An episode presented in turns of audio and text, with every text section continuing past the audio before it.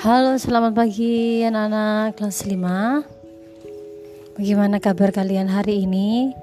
Misanti harap kabar kalian baik-baik saja Sehat selalu. Di mana pun kalian berada jangan lupa gunakan masker Tetap jaga kebersihan, jaga jarak Agar kalian semuanya sehat ya. Materi pagi ini ada di halaman 7 Tematik tentang pembelajaran IPA ya tentang organ gerak manusia dan hewan. Minggu lalu sudah Misanti terangkan tentang materi ini. Minggu ini kita ulang lagi ya. Kemarin sudah Misanti terangkan bahwa makhluk hidup itu salah satu cirinya adalah bergerak. Bergerak itu adalah kegiatan berpindah tempat atau berubah posisi. Walaupun hanya sebagian atau seluruh tubuhmu itu disebut dengan bergerak. Manusia dan hewan itu mempunyai kesamaan dalam bergerak. Ya. Sama-sama menggunakan organ gerak untuk bergerak. Bergerak itu seperti berlari, berjalan, memanjat, dan gerakan lainnya.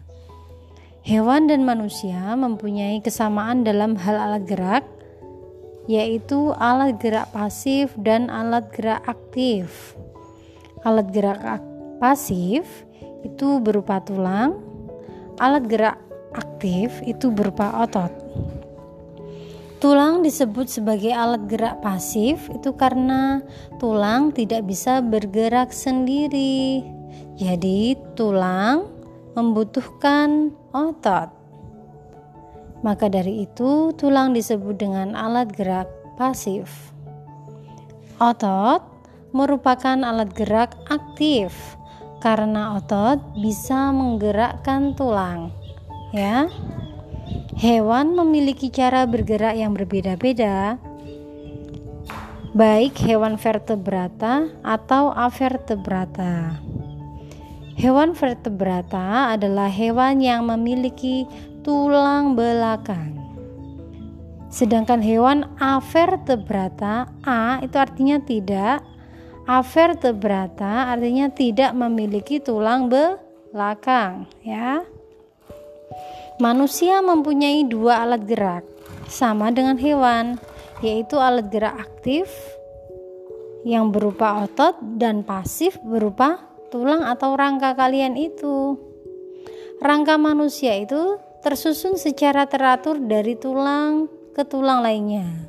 Coba kalian perhatikan mulai dari bawah ya.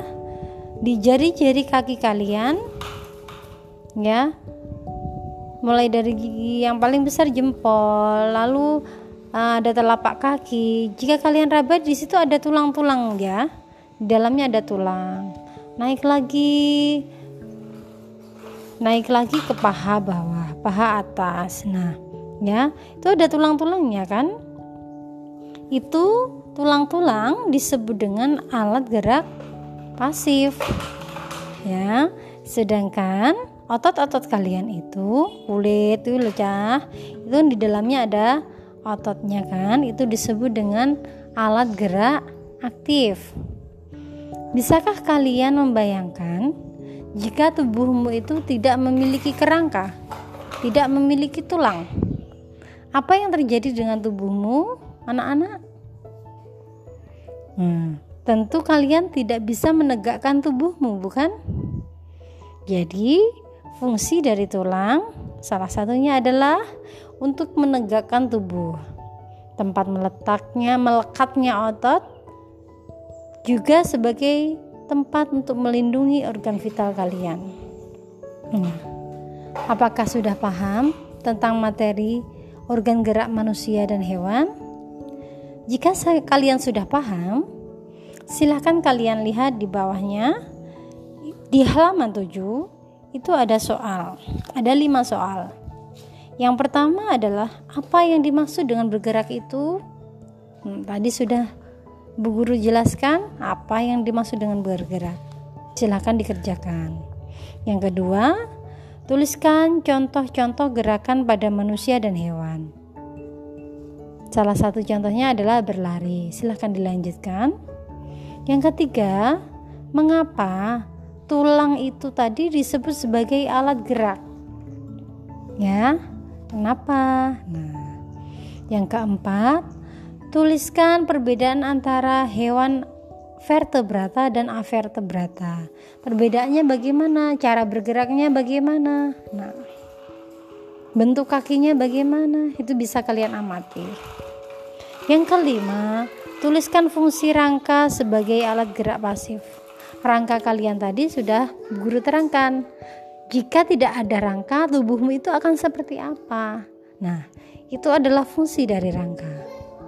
Selamat mengerjakan berusahalah mengerjakan sendiri berusahalah memahami materi walaupun sedikit-sedikit yang penting kalian setiap hari mau belajar ya oke anak-anak selamat mengerjakan. Tetap sehat selamat semuanya ya. Selamat pagi. Wassalamualaikum warahmatullahi wabarakatuh